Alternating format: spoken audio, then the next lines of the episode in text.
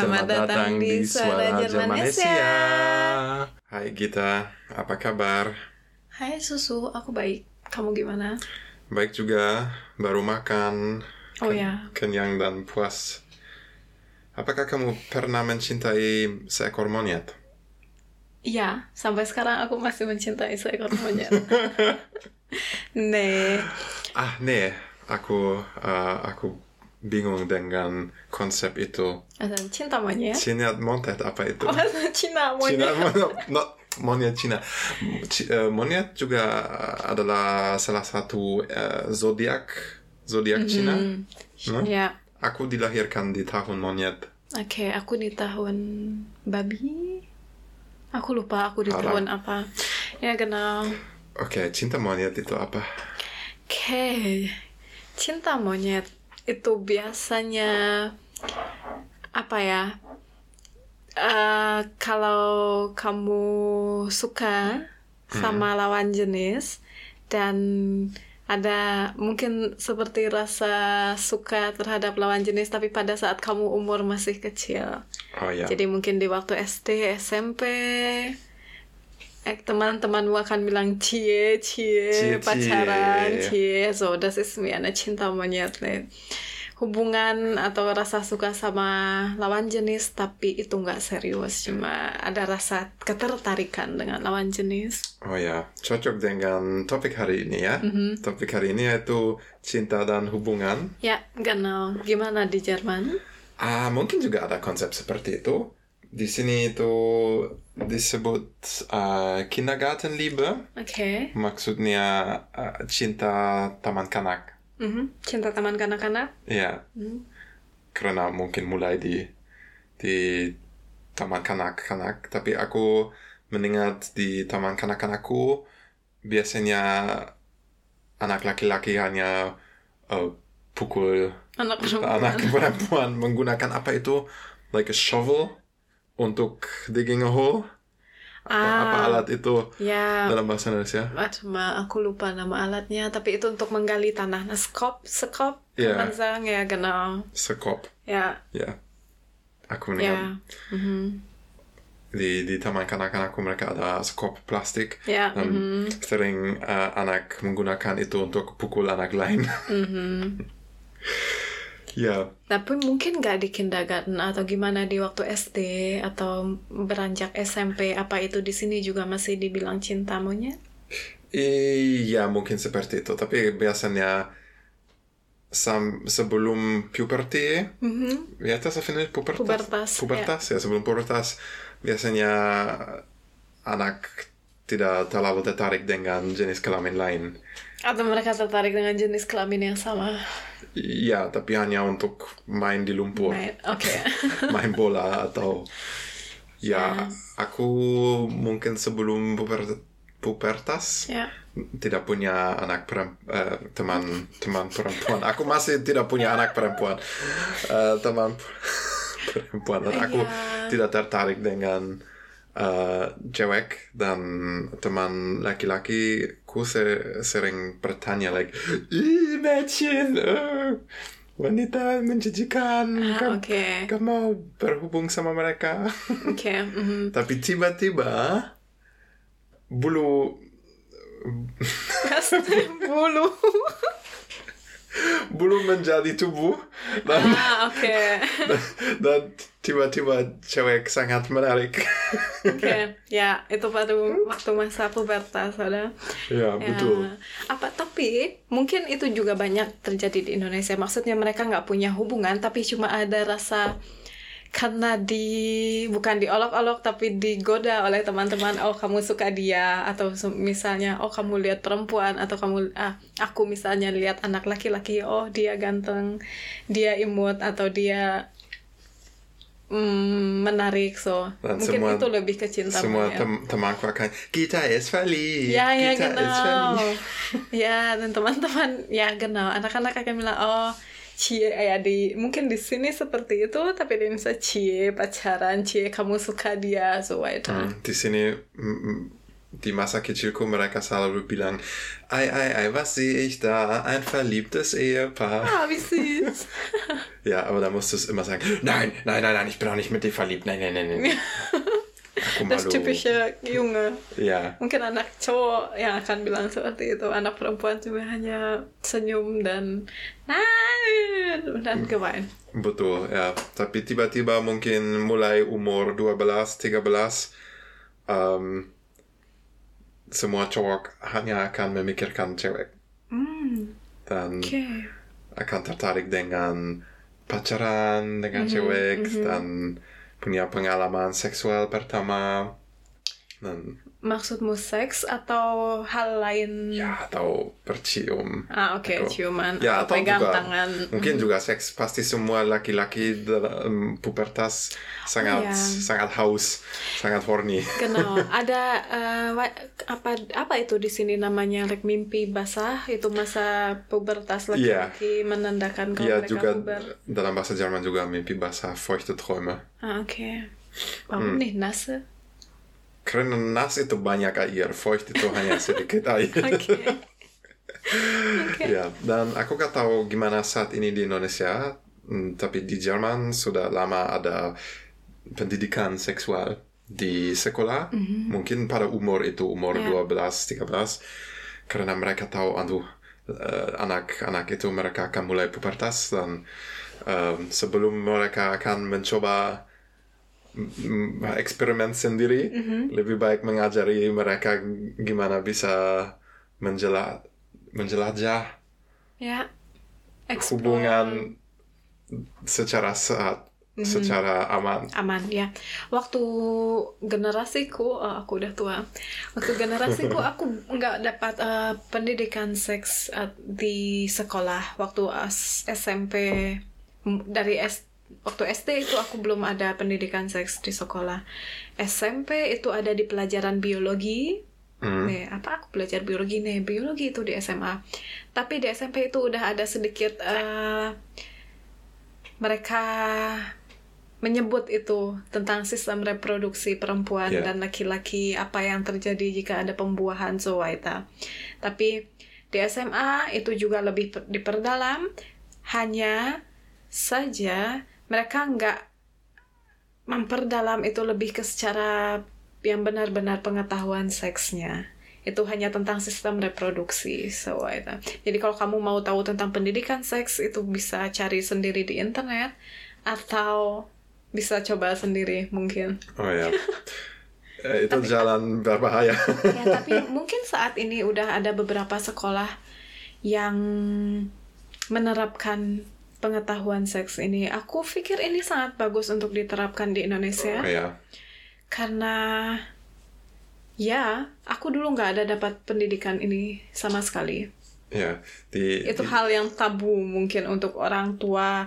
Sebenarnya ya kenal dari orang tua aku pun juga aku nggak dapat tentang pendidikan ini.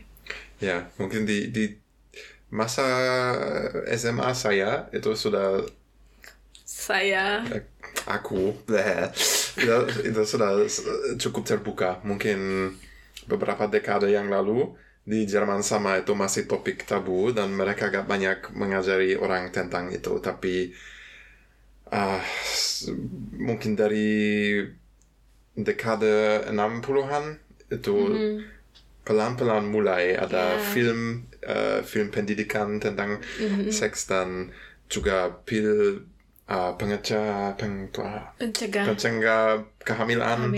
Baru ditemukan Ah, dan oke. uh, or- orang ya menjadi lebih terbuka dengan dengan hal seks ya. Dan di sekolahku mereka sangat fokus tentang menunjukkan uh, gimana bisa apa ya men- menjelajah seks secara aman agar tidak jadi hamil tanpa sengaja dan tidak dapat penyakit Penyakit. penyakit, seksual Ya. ya.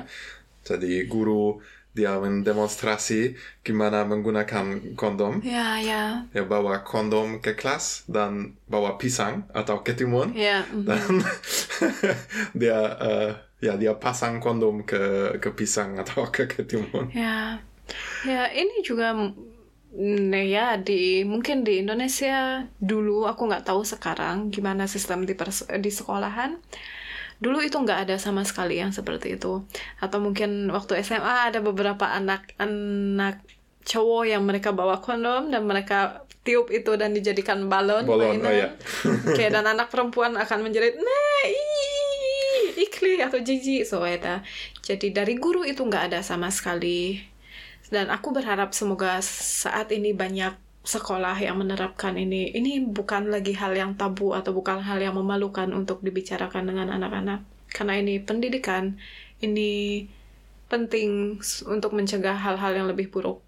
Iya, betul. Dan khususnya umur itu orang cukup haus dan, Iya, dan- mereka mau langsung mencoba Ya, genau. dan ya itu berbahaya kalau tidak menggunakan uh, pil atau kondom Mhm.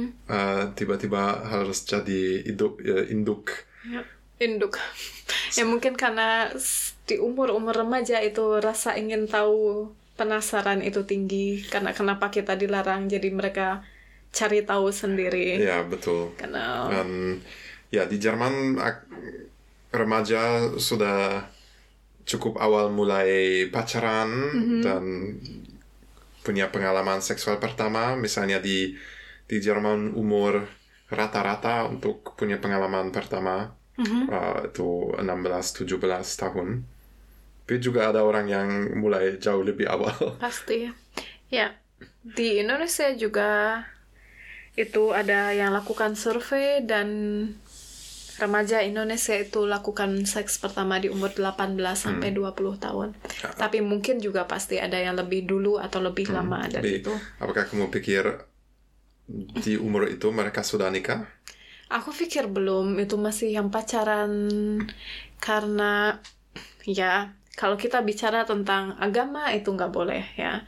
Tapi eh, kita di sini nggak bicara tentang konteks agama, jadi di umur 18 sampai 20 mungkin belum banyak yang menikah mereka. Itu anak-anak muda zaman sekarang. Dan yang membuat ini apa ya? Yang membuat aku atau kita kaget ini adalah 30% dari mereka nggak pakai kondom. Lakukan Oh, ya. hubungan tanpa alat pengaman. Eh, ya, di, di Jerman mereka pasti belum menikah. Ya, ya, ya. di sini tidak ada banyak orang yang mau simpan keperawanan Mhm. mereka untuk eh, ya untuk pernikahan. Ya. Kebanyak karena dari sudut pandang agama kurang dari setengah orang Jerman masih beragama atau ikut eh, gereja gereja-gereja Kristen atau Protestan Mhm. Um, dan hanya menurut gereja Katolik mereka masih mau kamu tunggu sampai pernikahan. Aku pikir setidaknya di di Jerman di gereja Protestan mereka juga tidak peduli kamu bisa punya seks sebelum menikah selama kamu uh, memperlakukan orang lain dengan Dengan baik. dengan baik. Ya, jadi aku merasa kebanyakan remaja Jerman kalau mereka merasa siap dan merasa mereka menemukan partner yang cocok, Mhm. mereka gak peduli pernikahan. Ya. Tapi juga ada orang yang tidak tertarik dengan menemukan partner yang bagus, tapi hanya dengan pengalaman seksual. Dan mungkin mereka mencari orang mabuk di pesta Ya, ya. dan hanya mau bercinta di di tempat party. Hmm, ya, oke. Aku nggak tahu itu di Indonesia. Apa mungkin ada juga beberapa yang seperti itu. Ya. Karena aku, ya, Shadownes, oh ini shadow. Aku belum pernah masuk bar atau tempat party di Indonesia atau Ya. klub-klub malam. Aku juga itu. tidak aku tidak lihat tempat party di Indonesia, tapi di di Jerman waktu remajaku kami selalu party. Ya, Setiap mhm. setiap akhir pekan mau eh, mau ke klub malam Ya. atau mungkin orang tua teman mereka eh, lakukan trip perjalanan dan rumah mereka bebas. Sebagai, ya, sarang party. Iya, betul. Kenal. Ya, aku juga lakukan hal-hal itu, tapi bukan party. Kami ada namanya ngeliwet. Itu masak-masak dan makan bersama di atas daun pisang. Oh, oke. Ne- atau bakar-bakar barbecue atau ya kami melakukan party tapi minum jus atau Coca-Cola. Ya. Di sini kami minum bir. Hmm. Dan pasti kalau sudah sedikit mabuk, kamu akan kurang malu. Mhm. Dan lebih terbuka untuk pengalaman Ya. seksual. Uh, ya. Tapi ak- satu perbedaan di antara uh, orang Indonesia dan orang Jerman masa sekarang, aku pikir itu pasti di Indonesia sem- sepertinya semua orang mau menikah dan mempunyai keluarga. Ya, mungkin hampir semua Hampir- hampir semua. mau menikah dan punya keluarga. Dan di Jerm- Jerman beberapa dekade yang lalu masih seperti itu, tapi saat ini sudah banyak orang Jerman mulai berpikir, oke, nih, mungkin aku gak harus menikah atau aku gak harus punya anak. Ya, genau. Ya, hampir semua mau menikah. Ah, Mungkin ada beberapa yang berpikir, oke, m- pernikahan itu bukan hal atau bukan fokus utama dalam hidup mereka. Dan kenapa mungkin juga ada tuntutan dari keluarga atau tuntutan dari masyarakat bahwa setelah berumur 30 tahun itu kamu akan selalu ditanya, oh kapan akan menikah? Kapan akan punya istri Mana atau suami, punya suami? mana istri, Kenal. mana anak. Kenal, tapi beberapa orang juga akan berpikir ya nggak menikah itu juga nggak apa-apa. ya, ini di Jerman menjadi kurang, semakin kurang dibandingkan dengan dulu. Misalnya di generasi ne- kakek nenekku juga lebih mirip dengan itu. Mereka dengan aku saat ini umur 28. Kamu 30 tahun. Nee, Oke. kamu bohong. 28 eh, 28 ya. Nek Dan kamu du- 30 tahun, nggak kamu nggak boleh mengurangi umurmu sendiri. kamu bohong. Aku nggak bohong. Kamu yang 35 tahun. Aku 53. Anyways, where where was I? What did I want to say? Aku umur 28 Ya, tahun. maksudku kalau nenekku dia dia masih eh, bertanya, oh oke kamu ada rencana menikah, kamu ada rencana punya anak. Mhm. Tapi aku selalu jawab, ah tidak, nggak ada rencana.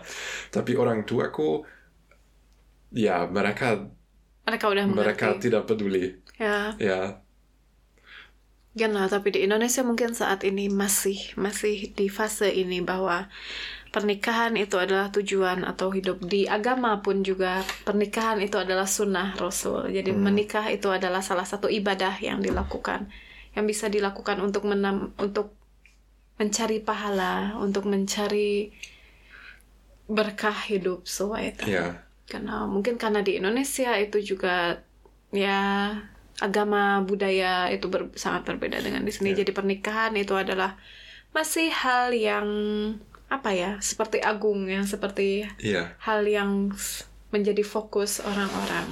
Ya, mungkin itu juga ber- berkaitan di kalau di Jerman semakin kurang banyak orang menikah dan juga semakin kurang banyak orang beragama Ya, mhm. di sini. Dan ya ini satu aspek tapi pasti aspek lain yaitu um, pernikahan dan punya keluarga ini juga uh, pertanyaan ekonomik. Hmm, dan dulu orang berpikir kalau mau bertahan kamu butuh keluarga ya ya istri butuh suami karena gak bisa kerja sendiri bla bla bla suami butuh suami istri. butuh istri untuk uh, Mengurus. bikin anak Ya, genau. dan nanti kalau mereka sudah tua mereka butuh anak untuk mengurus mereka Mereka, Um, tapi saat ini di Jerman sudah ada banyak kesejahteraan sosial dan kesejahteraan. kesejahteraan sosial banyak asuransi sosial Mhm.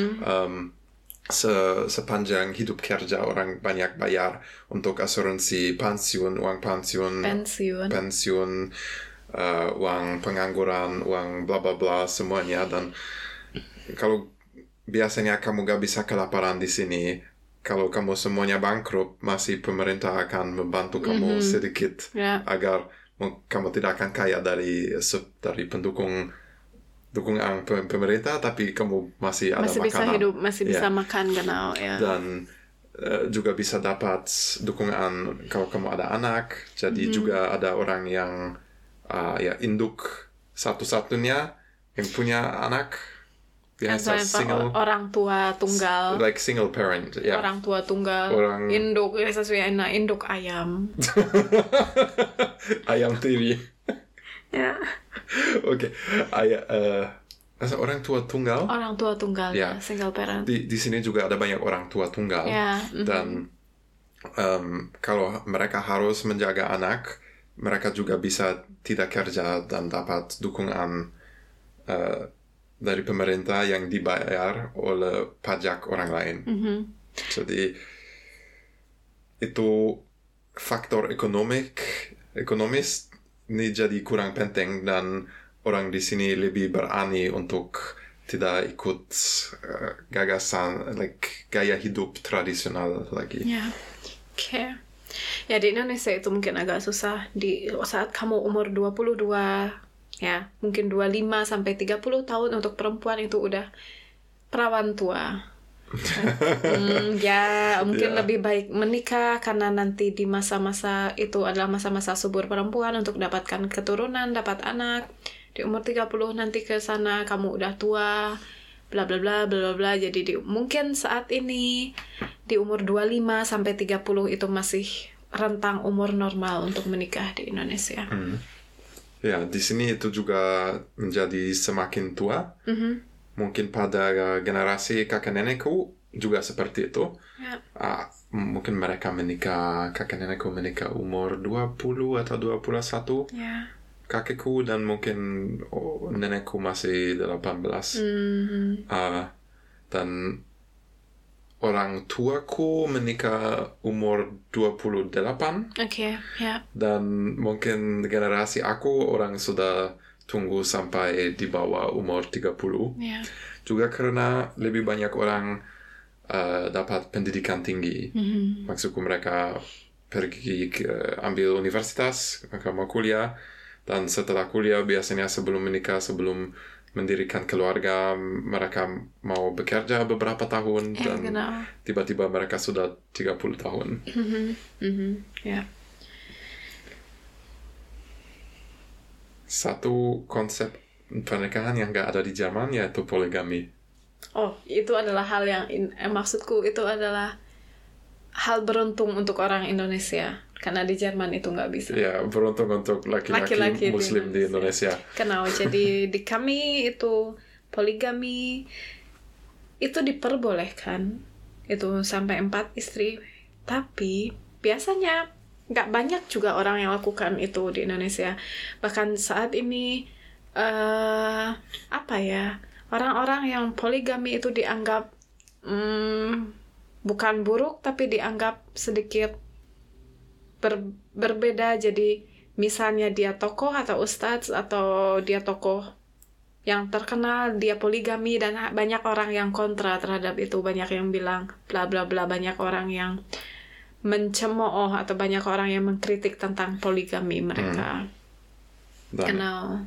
apakah itu juga karena kalau pernikah itu hanya pernikahan agama ya? Kalau Ya. kamu mau ambil pernikahan negara hanya bisa bisa Itu, dengan iya, satu partner. pernikahan negara itu cuma boleh satu suami dan satu istri. Ya itu sama di di Jerman di ne- pernikahan negara hanya bisa satu dan di pernikahan dalam ge- gereja Katolik atau Kristen Protestan juga hanya satu. Hanya satu, oke ya. Karena sebenarnya dulu Nabi itu menikah, maksudnya poligami itu untuk membantu, misalnya dia membantu perempuan tua yang nggak punya uang, yang punya banyak anak, sewaita.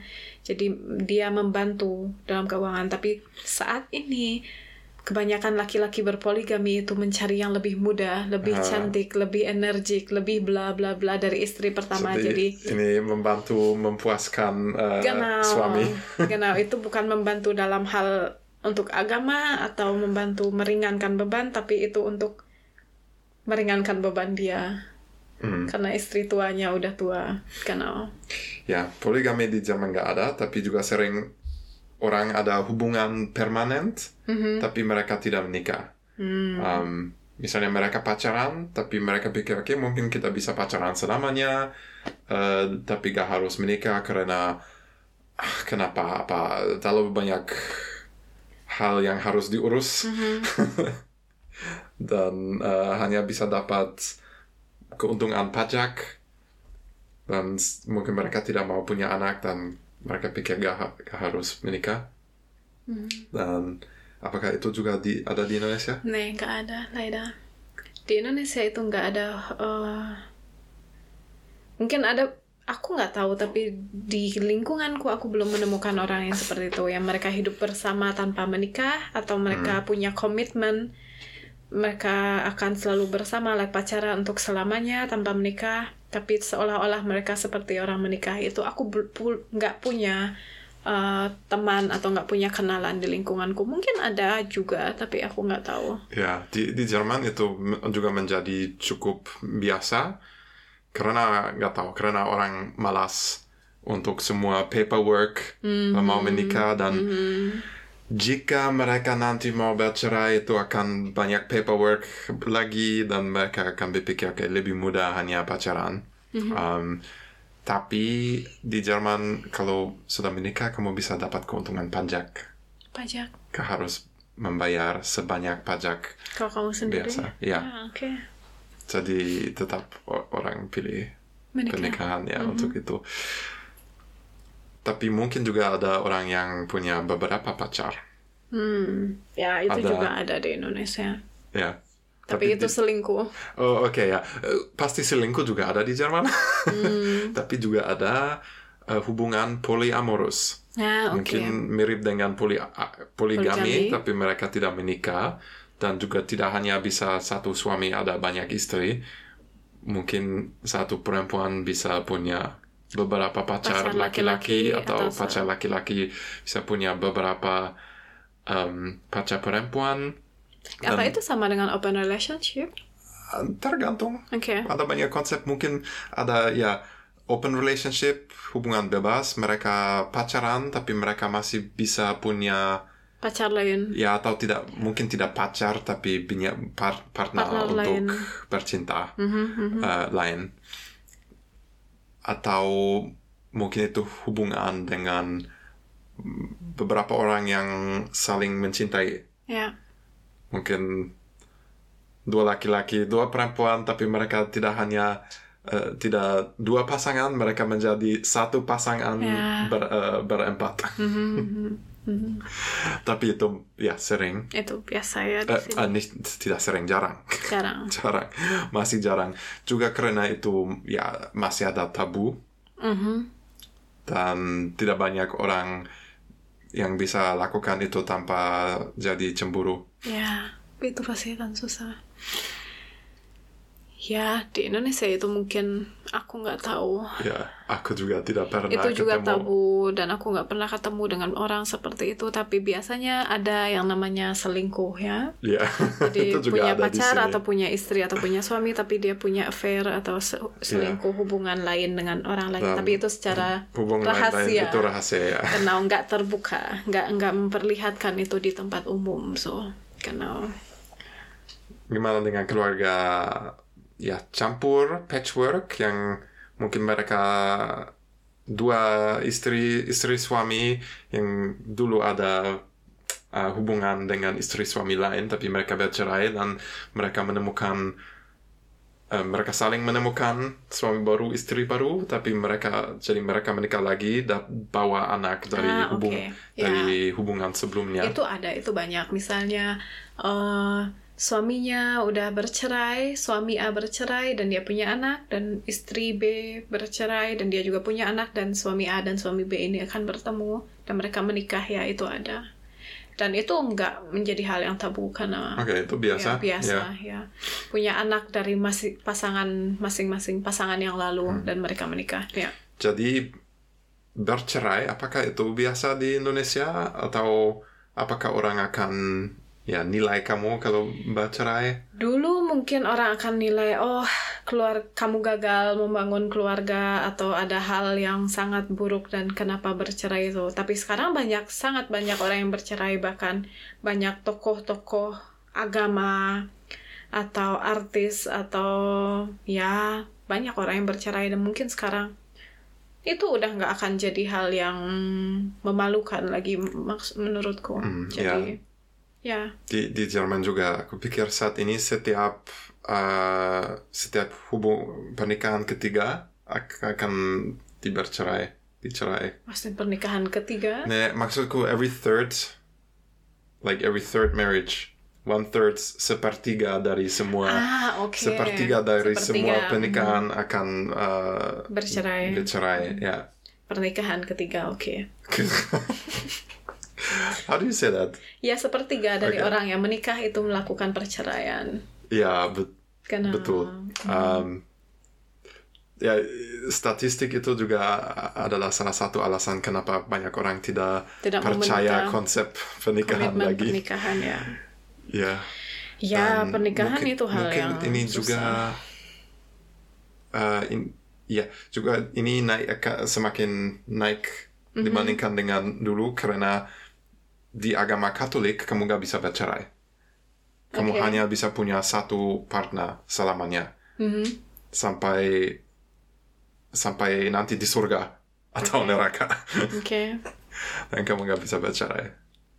Dan ya dulu banyak orang kalau mereka menyadari mereka pilih partner salah ya bad luck for you nggak bisa ganti. Ganti.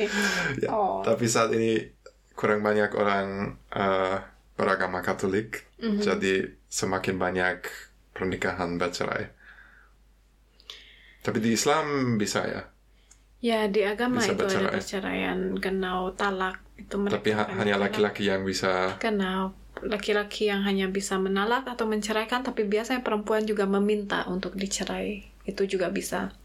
Kalau misalnya perempuan minta ditalak, dia bilang, oh aku mau kamu talak atau aku mau kamu ceraikan, itu laki-lakinya bisa Gimana kalau itu. dia nggak mau? Dan ya nggak akan ada perceraian sampai si laki-laki itu bilang ada perceraian. Oke, Tapi biasanya ada juga perempuan yang menggugat perceraian dan mereka akan ke pengadilan, kantor pengadilan dan nanti pengadilan akan urus itu. ke pengadilan agama? Kenal, apakah ya pengadilan agama, apakah meskipun si laki-lakinya nggak mau bercerai, tapi kalau perempuan punya alasan yang kuat seperti KDRT, lah, kekerasan dalam rumah tangga, yang istrinya dipukul atau se- sewaita atau nggak dikasih nafkah lahir dan batin, itu dia bisa atau punya masalah lain suami selingkuh atau suami nggak pernah di rumah, so ya. Ya. Gimana dengan pernikahan beda agama? Di Jerman, ya menurut negara, mau kalau mau mau ambil pernikahan negeri, Mhm. uh, agama tidak peduli sama sekali. Di Dan juga jenis kelamin tidak peduli. Ya, di Indonesia itu lada nggak bisa, sayangnya. Aku mendengar masa kecilku orang sering bilang, oh eh, kalau kamu adalah beragama Kristen Katolik dan kamu menemukan partner partner Kristen Protestan, kalian akan menikah secara mana Protestan atau Katolik. Dan masa kecilku itu ya seperti masalah besar. Ya, Walaupun dua-duanya Kristen ya. Kristen ya. Mhm. Ya, di Indonesia itu sayangnya nggak bisa. Jadi orang-orang yang menikah dengan beda agama itu mereka pergi ke luar negeri untuk menikah. Gimana dengan dua agama Kristen di Indonesia, Katolik dan Protestan? Apakah mereka bisa bercampur? Aku pikir bisa. Tapi ya, mungkin bisa. Tapi mereka tetap bilang itu beda agama. Pernikahan beda Oke, agama. walaupun Protestan dan Katolik dua-duanya Ya, Kristen. ya, ya, genau. Itu masih beda agama. Agama Kristen. Dan gimana dengan Islam Sunni dan Syiah? Oh, keine Ahnung. Nggak tahu sama sekali. Mungkin bisa. Ya. Karena itu masih dalam kata Islam. Mungkin. Itu hanya alirannya yang berbeda. Oke. Gimana dengan uh, Buddha, Hindu, dan Konf- Konghucu? Karena Ahnung. khususnya Buddha dan Konghucu sangat eh, tidak tidak banyak orang yang beragama Konghucu atau Buddha di Indonesia dan kalau mereka ada uh, apa ya like if it's difficult for them kalau sulit untuk menemukan partner dengan agama sama Yeah. mereka akan lakukan apa Ya mungkin bisa, itu tergantung agamanya. Kalau aku pikir untuk agama Hindu itu mungkin mereka bisa menikah dengan beda agama. Karena anu, aku nggak tahu itu. Oke, aku akan bertanya teman Bali Ya, kamu bisa. ah, tapi di. Bali nggak apa-apa semua orang di ya, sana itu di Bali itu bisa. Ya, lalu di sini aku pernah atau sering ketemu dengan orang-orang yang tinggal bersama tapi mereka nggak menikah, tapi mereka punya anak bersama. iya iya itu cukup biasa Cukup biasa ya. dan aku juga pernah tinggal bersama mantanku Mhm. dan tidak ada orang yang peduli itu Mhm. itu sangat biasa juga untuk uh, apa ya teman seapartment yang bukan pacarmu Ya, misalnya punya kalian berbagi apartemen untuk uh, bagi biaya sewa Mhm.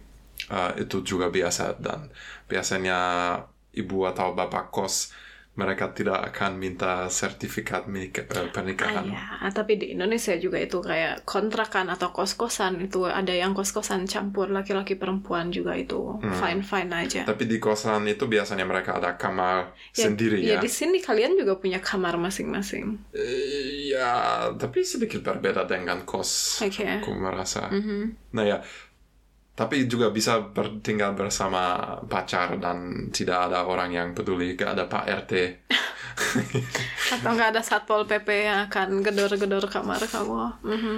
betul ya dan di sini juga uh, hubungan dengan jenis kelamin Sama. sama, Hubungan sejenis ya itu dibolehkan ya. itu dibolehkan mereka juga bisa menikah menikah negeri atau di gereja Protestan Mhm. Jerman juga bisa gereja Katolik nih mereka gak mau ya.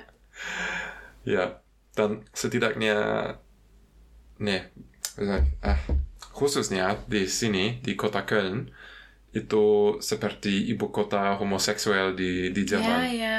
Aku ingat mungkin ada satu bulan di sini mereka akan lakukan pesta gay karnaval. Iya, itu seperti para, LGBT. ya, parade bernama Christopher Street Day. Oh ya itu bulan September atau Nih, bulan? Juni biasanya. Oke, ya, ya, aku tapi lupa. eh, tahun ini gak ada karena, karena, corona. Mhm. Ya, tapi itu seperti pesta besar dan banyak eh, banyak orang gay dan lesbian mereka Mhm. menunjukkan apa ya bangga mereka Ya, karena dulu mereka harus bertarung untuk hak-hak mereka. mhm. dan Dulu sekarang itu hak, udah biasa. hak dan hukum di Jerman juga cukup homofobik Mhm. dan aku gak tahu kapan mereka menglegalisasi pernikahan homoseksual tapi itu ada jalan panjang jalan susah untuk Pastinya. pasangan homoseksual sampai akhirnya bisa menikah Mhm. Ya. Ya di Indonesia itu masih sangat tabu, so ya oke itu susah. sayangnya dan ah, aku merasa sangat kasihan untuk orang homoseksual di Indonesia atau di ne- negara lain yang gak bisa membicarakan hal itu Mhm. dan mereka harus Sembunyi, Uh, sembunyi. ya mereka harus hidup mereka jadi rahasia Mhm. aku tahu dua, dua orang muslim homoseksual dan mereka tidak bisa membahas itu dengan teman mereka dengan keluarga mereka dan Mhm. Ya mereka merasa seperti mereka harus punya hidup palsu Ya. dan mereka harus pura-pura jadi orang yang tidak benar-benar mereka sendiri Itu seperti hidup dalam karena anu Was muss ich denn sagen? hidup dalam misalnya closet dalam lemari Ya. ya seperti punya dua kehidupan yang berbeda. Ya Seperti hidup dalam cangkang. So, das muss ich apa artinya cangkang Eh, Cem-cem. kamu tahu telur? Itu telur ya Ya, oke, itu cangkang telur itu bungkusnya Hmm. yang kena box so weiter. ya secara umum aku Kulit, das ist kulit cangkang, genau. aku aku merasa seperti semua topik eh, hubungan cinta seks itu sudah lebih terbuka di zaman? Ya, pasti. dan orang Indonesia se- sering bilang oh perbedaan budaya di antara Eropa dan Indonesia itu besar, tapi aku merasa itu bukan perbedaan budaya itu perbedaan masa, perbedaan Ya, waktu. mhm. Karena dulu 50 tahun yang lalu di Jerman Jerman masih juga masih sama. sama dengan Indonesia saat Sekarang ini. sih. Mhm. Mungkin 50 tahun ke depan Indonesia mungkin akan seperti sekarang Iya. di Jerman. Oke ya. Pikir Kita bisa lihat. Kamu juga Atau bisa masih hidup di umur 50 tahun ya, ke depan. dan kamu bisa menemukan toko alat seks di jalan di Oh Jakarta. ya. Mhm. Di sini itu kita sering menemukan itu banyak. Ya, di sini ya karena seks itu sudah topik yang tidak tabu lagi. Ya. Eh, di jalan di sini di Köln ada beberapa toko alat seks dan mereka menunjukkan ya penis palsu Ya. atau apa ya lingerie, underwear, Lingerie, underwear, celana ya. dalam seksi Pakaian dalam seksi yang seperti itu ya. dan juga bisa ke eh, apa ya ke bioskop kecil dan Ah ya, dan nonton, film, biru. film biru. Kalau film seks tentang seks atau film porno zaman ya. Oke. Ya, Ya, ini pasti gak ada di Indonesia. nih nggak ada Tapi, sayangnya. tapi bisa apakah bisa Ya sayang. sayangnya ya kasih sayangnya kita Oh, kamu harus pilih semuanya di sini dan Hmm, Oke, nanti dan aku bawa, jual ke Indonesia. dan nanti kamu bawa pulang Ya. ya tapi di Indonesia juga bisa beli di Tokopedia enggak Ya, aku pikir bisa kayak eh wie heißt das dildo? dildo ya, Ya. penis palsu Ya, itu biasanya ada yang jual online pasti banyak. Dan Dan, juga itu alat legal seks di- lainnya. Ya, ya, ya, Ya. banyak yang jual seperti itu.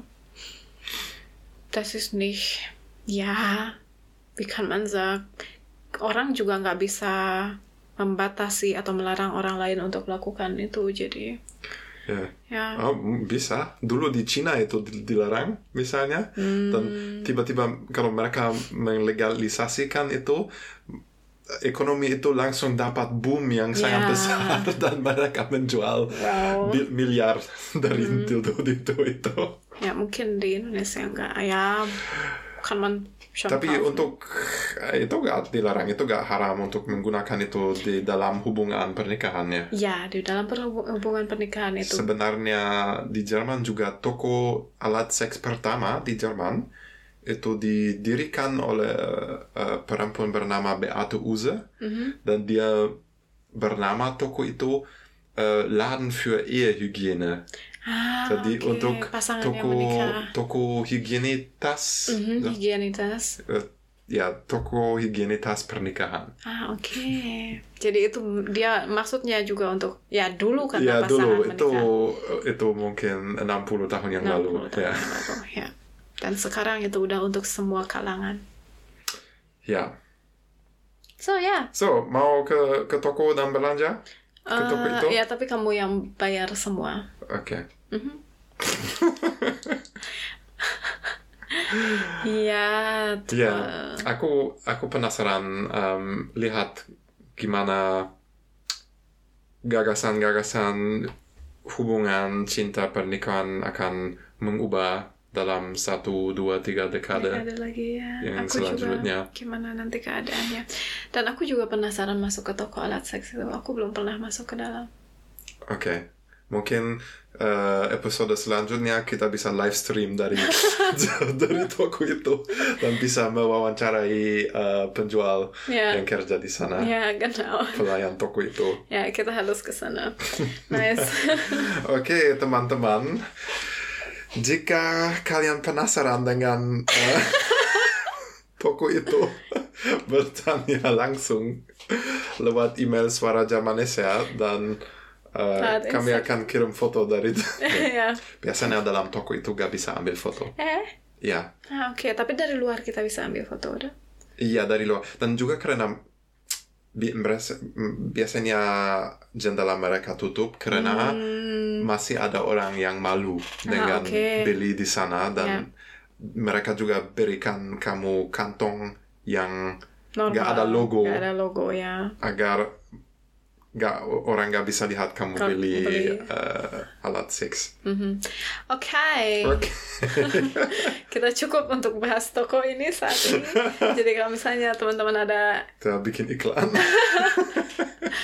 Ya ada pertanyaan atau ada Feedback. feedback sobat uh, bisa ke Instagram kami di Suara Jermanesia. atau YouTube Suara Jermanesia juga dan silakan subscribe, like, uh, berbagi podcast ini sama teman-teman kalian menurut Spotify atau Anchor.fm dan Sampai jumpa di Di episode episode selanjutnya. selanjutnya. Dah.